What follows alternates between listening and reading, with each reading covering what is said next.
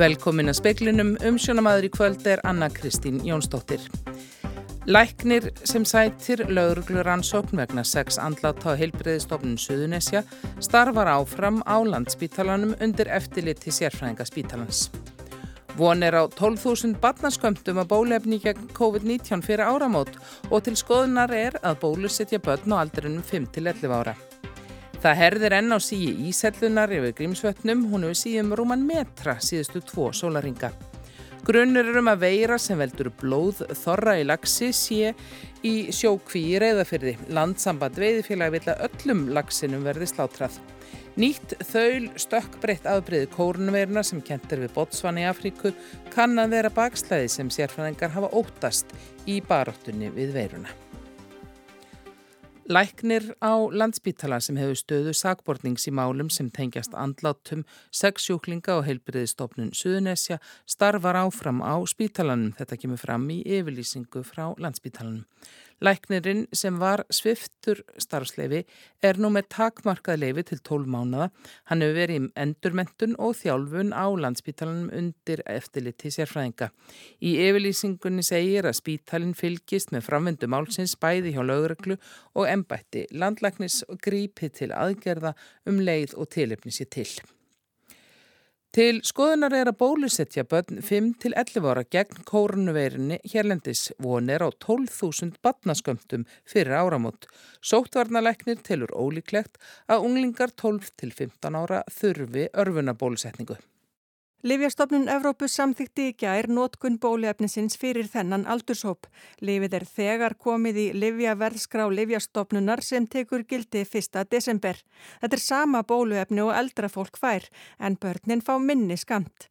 Þóruleg Guðnason Sótarnarleiknir segir að það skýrist á næstunni hvort ráðist verður í bólusetningu barna yngre en 12 ára. Við erum bara að skoða það með okkar fólki og okkar sérfræðingum, fara aðeins í gegnum það, kosti og galla við það. Fyrsta lagi mun bólefnið Eh, venda börnin gegn alvarlegum veikindum og, og vegna þess að lítil börn geta fengið COVID á, eh, hérna, alvarlega og fengið alvarlegar afleiðingar eftir smitt og svo líka mun uh, bólusetning barna hjálp okkar enn frekar í að hindra útbreysla á smitt í samfélaginu. Já, vonaði kannski að við sjáum þetta betur fyrir okkur svona í lok næstu viku.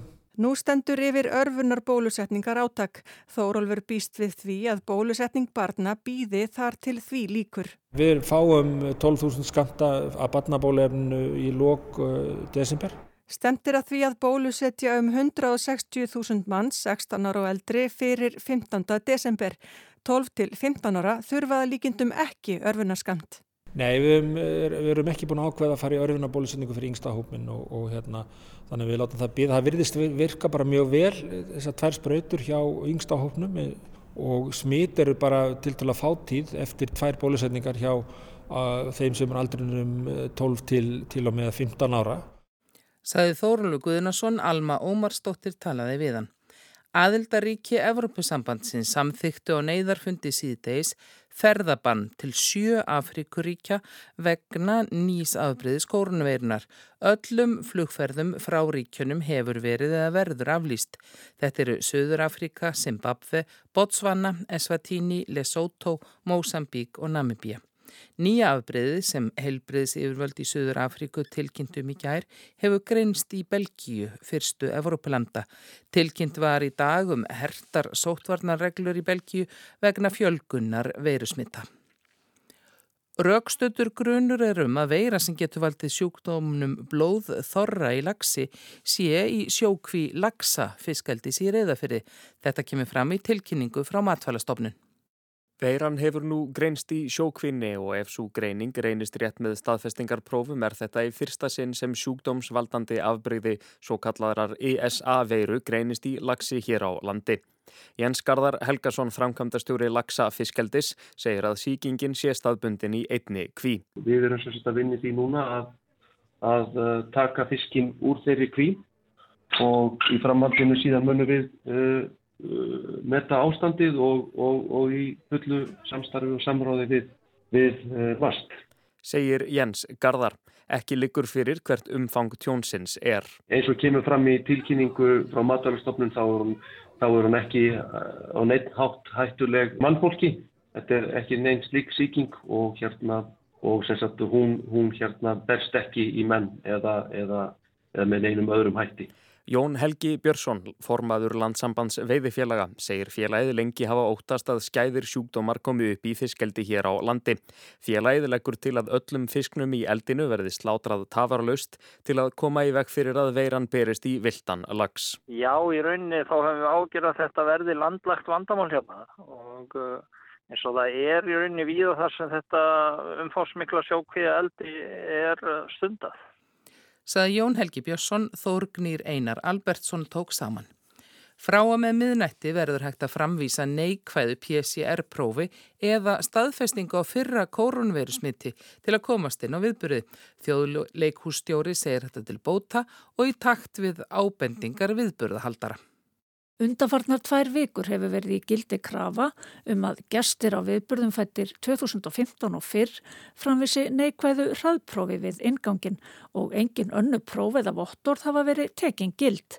Viðburðahaldarar hafa gert aðtöðasendi við þetta og bent á að með þessu sé verða útilega fólk sem sannarlega sé ósmitað frá því að sækja viðburði. Nú hefur verið gert breyting á reglugerðum sótvarnatakmarkanir og hún tekur gildi á miðnætti.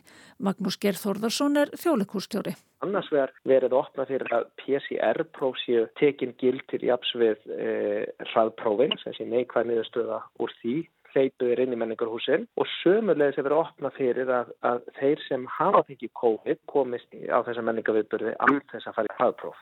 Þeir sem hafa fengið COVID þurfa framvisa vottorði sem staðfestir það. Við erum að tegja að sé verið að opna þetta og gera þetta aðgengilega fyrir þess að tilta fyrir hópa. Og þetta er í kjölfar eitthvað ábendinga frá ykkur? Já, þetta kemur svona framaldi af, af samtali sem við höfum átt við stjórnvöld og við erum auðvitað bara að leggja okkar á mörgum þannig að þetta er gangi sem best fyrir sig.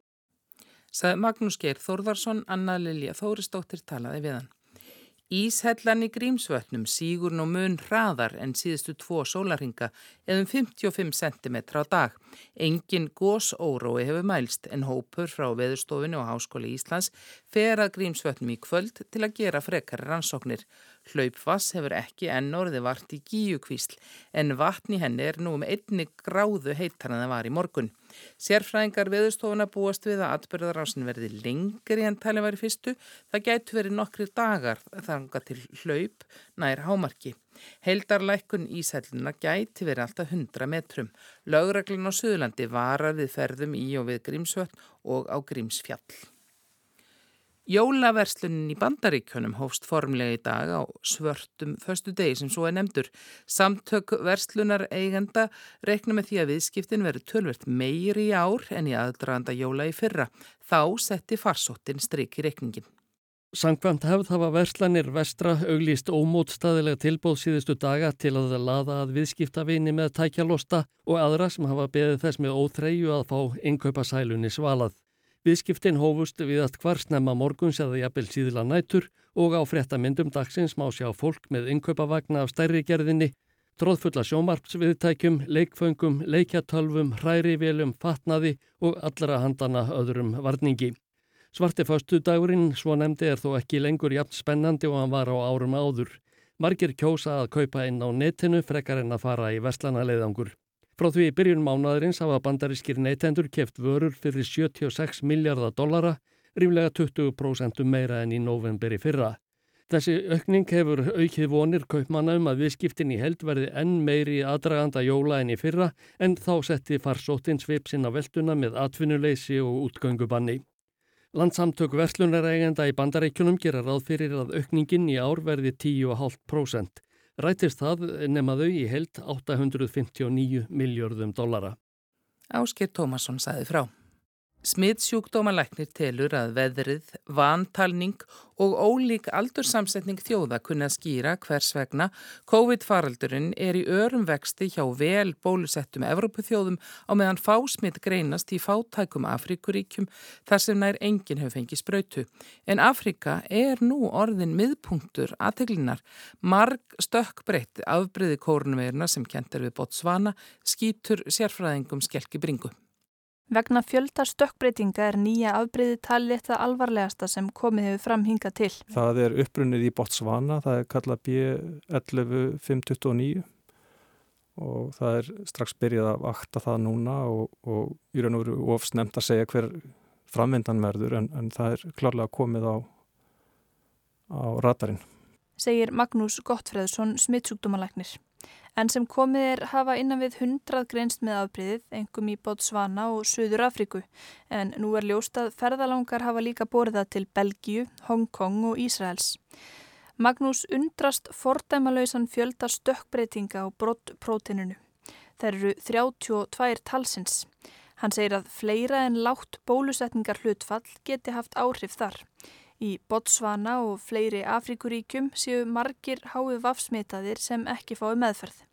Ónamiskerfi þeirra er veikt og smitist þeir getur veiran kræmað lengi í þeim jafnvel mánuðum saman.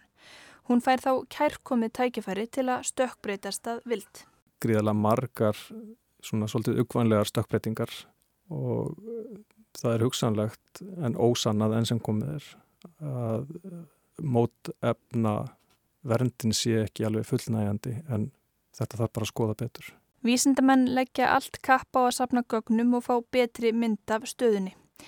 Sérfræðingar telja að afbreyði sé meira smitandi en deltaafbreyðið, það er þó ekki ljóst. Það hefur tekið yfir í söðurluta Afríka og örskumum tíma. James Naismith, professor í líffræði við Oxford Háskóla í Breitlandi, segir í samtali við Breska ríkisútvarpið að fréttinnar af nýja afbreyðinu séu vissulega vondar en heimurinn sé ekki að líðundir lok. Bóluefnin virki öruglega verð gegn nýja afbreyðinu en þó eitthvað. Aðri sérfræðingar hafa bent á að nokkuð auðsótt ætti að vera að aðlaga bóluefni að afbreyðinu. Hlutabrjámarkaðir tóku skarpa dífu vegna afbreyðisins og viðbröð Ímissa ríkja hafi verið hörð. Breta riðofaðið og stöðvuðu flugumferð frá sex ríkjum í Suðurluta Afríku, Namibíu, Zimbabwe, Botswana, Lesotho, Eswatini sem áður hétt Svasiland og Suður Afríku. Ísrael fylgdi kjölfarið og Úrsula von der Leyen, fórseti framkvæmdastjórnar Európusambandsins, hefur kvart Európuríki til að stöðva allt flug til og frá þessum löndum. Þýskaland, Spátn og fleiri ríki ætla að fylgja þeim leiðbeiningum. They should be suspended until we about the danger posed by this new variant. Þau vilja ekki býð og sjá, heldur taka í bremsuna strax og endur með þessu stöðuna setna.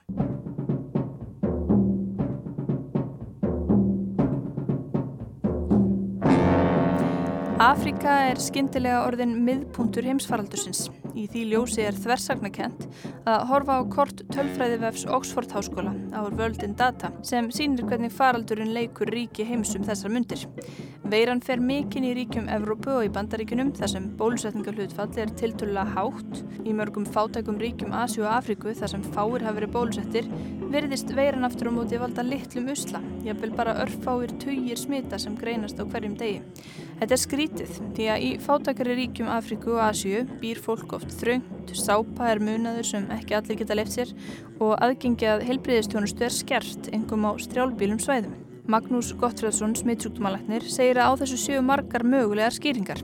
Einn er reyn og klár vantalning. Mjög áhugaverð svona alþjóðlega samstagsverkefni sem gangið mitt út á þetta og þar hafa menn gefið út að líklega séu ekki millir 5 og 6 miljónir látnar vegna COVID í dag heldur er talan miklu frekarna er kannski 15 til 17 miljónum og þetta skýrist þá einmitt mjög mikið af vantöldum döðsvöldum til dæmis eins og á Índlandi. Burt séð frá skráningum þá var það þannig þegar að ástandi var hvað hörmulegast á Índlandi að við fengum á því fréttir Heilbriðiskerfið var í lamasessi og líkin brendi hrönnum á bökkum gangas. Ég ætla alls ekki útloka það að eitthvað sé að fara fram hjá okkur núna í augnablíkinu. Hins vegar held ég að það sé alveg klart mál að faraldurinn virðist ekki uh, vera skæður í, í Afríku eða markam á þar fréttir sem að þar, þaðan koma. Fleira skýrir munin millir álvana að mati Magnúsar.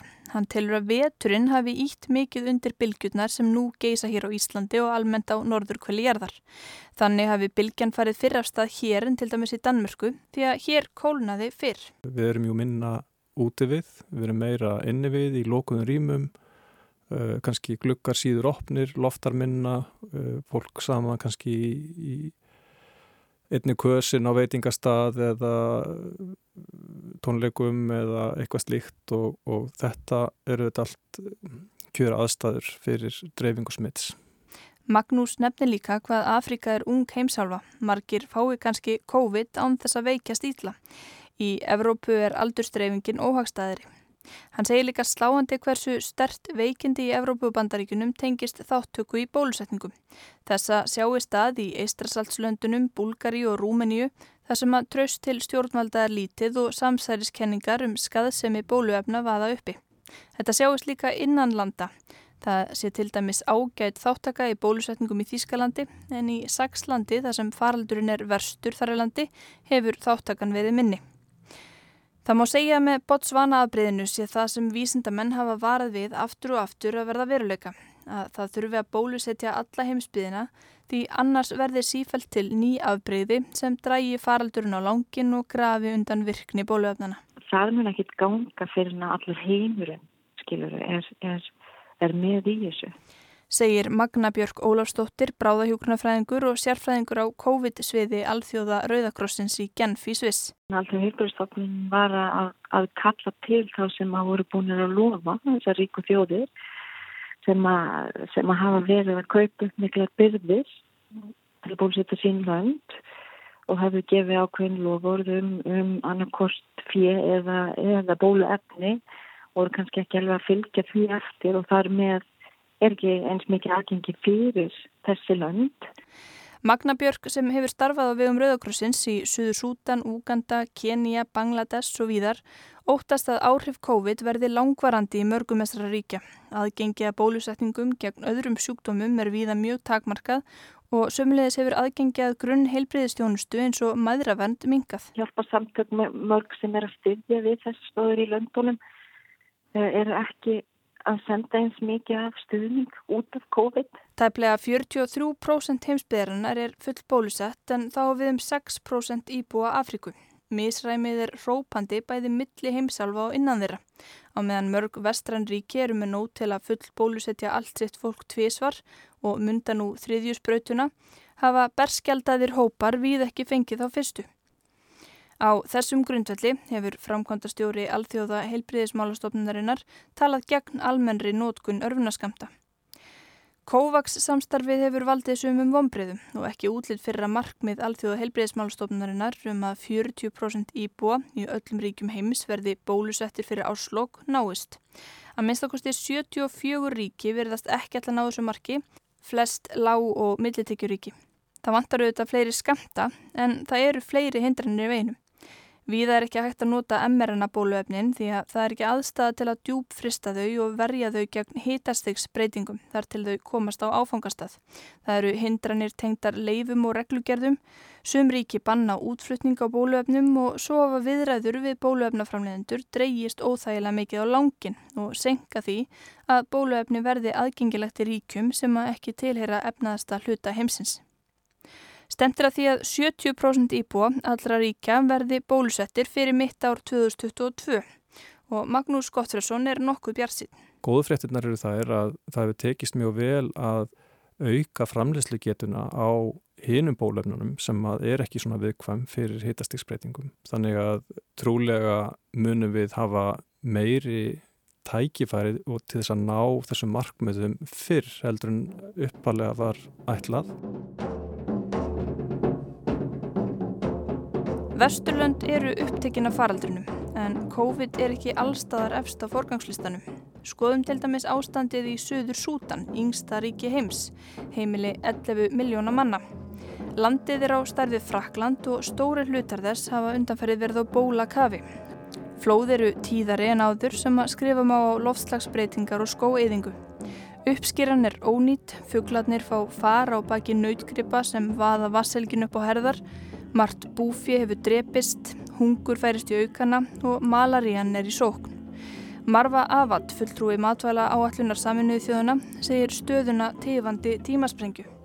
New York Times greinir frá því að þegar fulltrúar saminuðu þjóðuna komu aðvífandi á mótorbáti til að ræða við leiðtoga í Pavel um flottnu Þorpi í miðju Suðursútan mættu þeir tortrygni Þessi áhersla á mikilvægi þess að fólki fengi spröytu við COVID rýmaði ekki við það hvernig leðtóðarnir mátu þarfir þorpsins. Þeir vissu að COVID gætt dreyði fólk til dauða, þekktur endar engan sem hafi veikst, en höfðu fyrst og fremst áhyggjur af vassflömnum, aukinni tíðni vassbúruna sjúkdóma, garnagölinu og gráum skíabökkunum sem að vissu á enn meiri rigningu. Suður Sútan hefur fengið um 200.000 skamta í gegnum COVAX samstarfið. Það gekk vel að gefa skamta í höfuborginni Júpa en sumstaðar á landsbyðinni reyndist svo erfitt og dýrt að koma skömmtunum áleiðis vegna bábórins vegakerfis og kaffærðra flugbröta að ákveðið var að dreifa þeim í nákvæmnaríkunum í staðin. Það var stutt í að þeir eruðu útrunir og eins gott að þeir færi ekki til spillis. Traustið er svo ofta skortnum skamti og ýmsar sögur til dæmis um að í bandaríkunum vildi fólk ekki bóluefni því það leti til ófrjósemi nú eða það illi livrarsjúkdómi sem dreyji fólk til dauða á innan við ári. Eitt er víst og það er að á meðan stór samfélög hafa ekki aðgengi að bóluefni leikur veiran áframlausum hala og Botswana afbriðið verður ekki það síðasta til að skjóta vísindamönnum og pólitíkusum skelki bringu. Arnildur Haldunandóttir tók saman.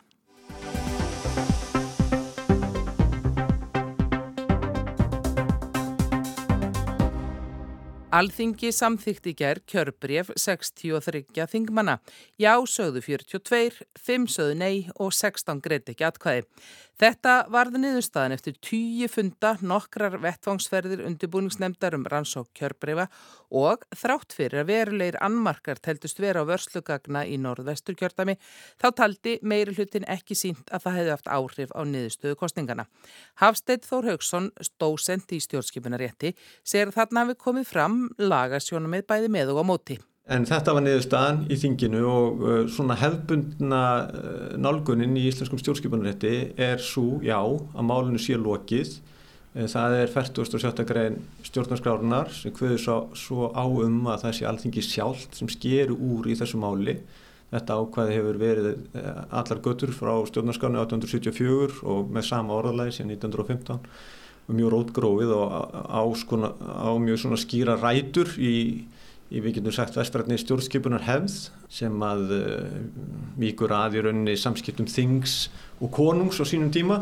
Það breytir því ekki að það eru þetta búið að breyta stjórnarskáni síðan. Það er komið nýtt ákvæði í 70. greinuna stjórnskipunar lögum frá 1995 sem hveður á um að öllum beri réttur til að fá úrlausn um réttindi sín og skildur eða um ákjör og hendur sér um refsi verða hátt sem er með réttlátum valsmeðferð eh, fyrir óháðum og óhlutdregum domstóli og þannig að maður geta alveg séð fyrir sér að einhverjir lögmenn fyrir einhverjum umbjöðandur letur nú reyna á hvort það séu einhverja leiðir til þess að koma einhverjum ungum þessa máls fyrir íslenska domstóla þó svo að eins og ég segi hinn hefðbundna tólkun í íslenska stjórnskipunni svo að um gildi kostningana sé úrskurðað hjá alþingi.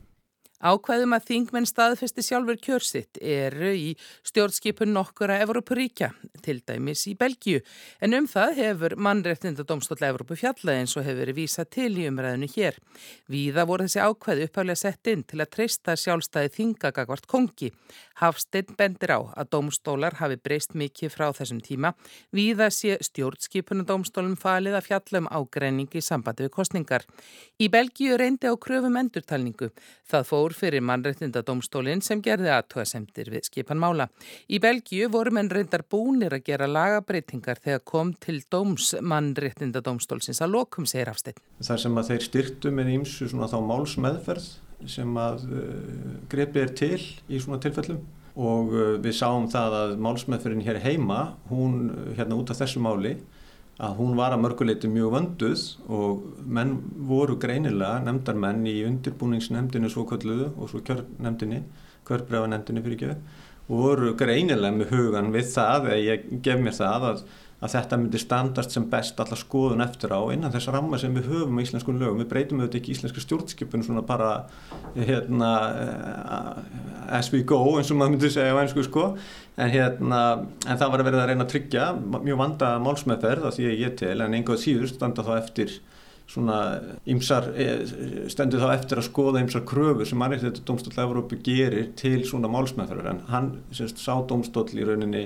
lítur á lítur svo á að í kröfunu um frjálsar leinilegar kostningar sem að fólk á rétt á samkvæmt mannendið sáttmála Európu og þá er ég að horfa einhverjum á fyrsta viðöka þess sáttmála, þriðju grein fyrstu viðöka að, að hluti af kröfunum um þessar frjálsulíðræðislu leinilegu kostningar er að það sé eftirlitskerfi sem hægt er að leita í um sem sagt þá ágærinning vegna framkvæmta kostingana sem stennst ákveðna kröfur og það eru svona bísna strángar kröfur sem ekki er kannski hlaupið að að uppfylla alveg í þessu módulu okkar. Já og þannig að það er kannski það að það er hægt að, það er hægt að kæra vissulega, það bárast fjölmarkar kærur núna og það var fjallað um þær það var fjallað um, þeim, um þær af þessari nefnd sem að er skipuð þingmenn. Já, einmitt og, uh, og þá er það spurningin um það að það sé ákveðin umgjörð utanum málsmeðfyrirna sjálfa, hvernig menn koma sínum sjónum á framfæri, hvernig málið er ansakað, hverjir gera það. Og í Belgíu þá var það nú þannig að, að menn höfðu uh, gætt sín á því ef ég man þetta rétt sem sagt að í nefndinni sjálfri sátu engir þingmenn sem voru að fjallum sína einn mál.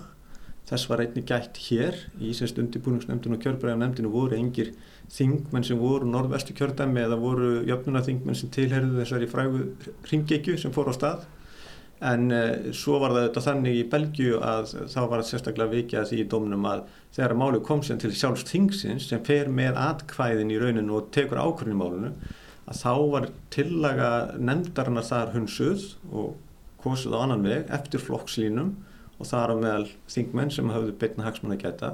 Hér var þetta nú ekki alveg með sama hætti, hvernig spilaðist úr, við sáum það, það var nú ekki alveg kosið eftir flokkslínum, þetta var nú svona aðeins, en vissulega í einhverju tilfellum menna greiðat hvað um eigin, um svona eigin hagsmunni, beinu hagsmunni sem þeir hafa rétt ásakvöld íslensku stjórnlugum.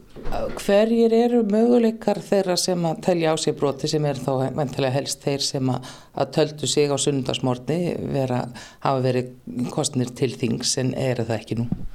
Já, nú er það að leggjast, nú er það í rauninni verkefni þeirra að leggjast yfir það með sínum lögmennum ef þeir ætla að, að reyna að taka þetta mál eitthvað lengra en eins og ég sagði áðan að þá myndi ég nú ætla það að að lögumenn léttu reyna á einhverja ánga málsins fyrir domstólum hér og ef að, ef að það e, bregst og kemur í ljós að, að domstóli telli sig alls ekki geta fjallað um það mál í ljósi 47. grunn stjórnarskráðnar að þá e, svona bara fréttaflutningi og lýsingu, lýsingu fyrirætluna þessar fólks að dæma þá kemur það mér ekki óvart að það reyndi að fara sumuleið og, og gert var frambjóðandin í Belgíu gerði sem var að fara þá máli með til mannreittið domstóls Evrópu. Finnst þið líklegt að sá domstól tæki það fyrr?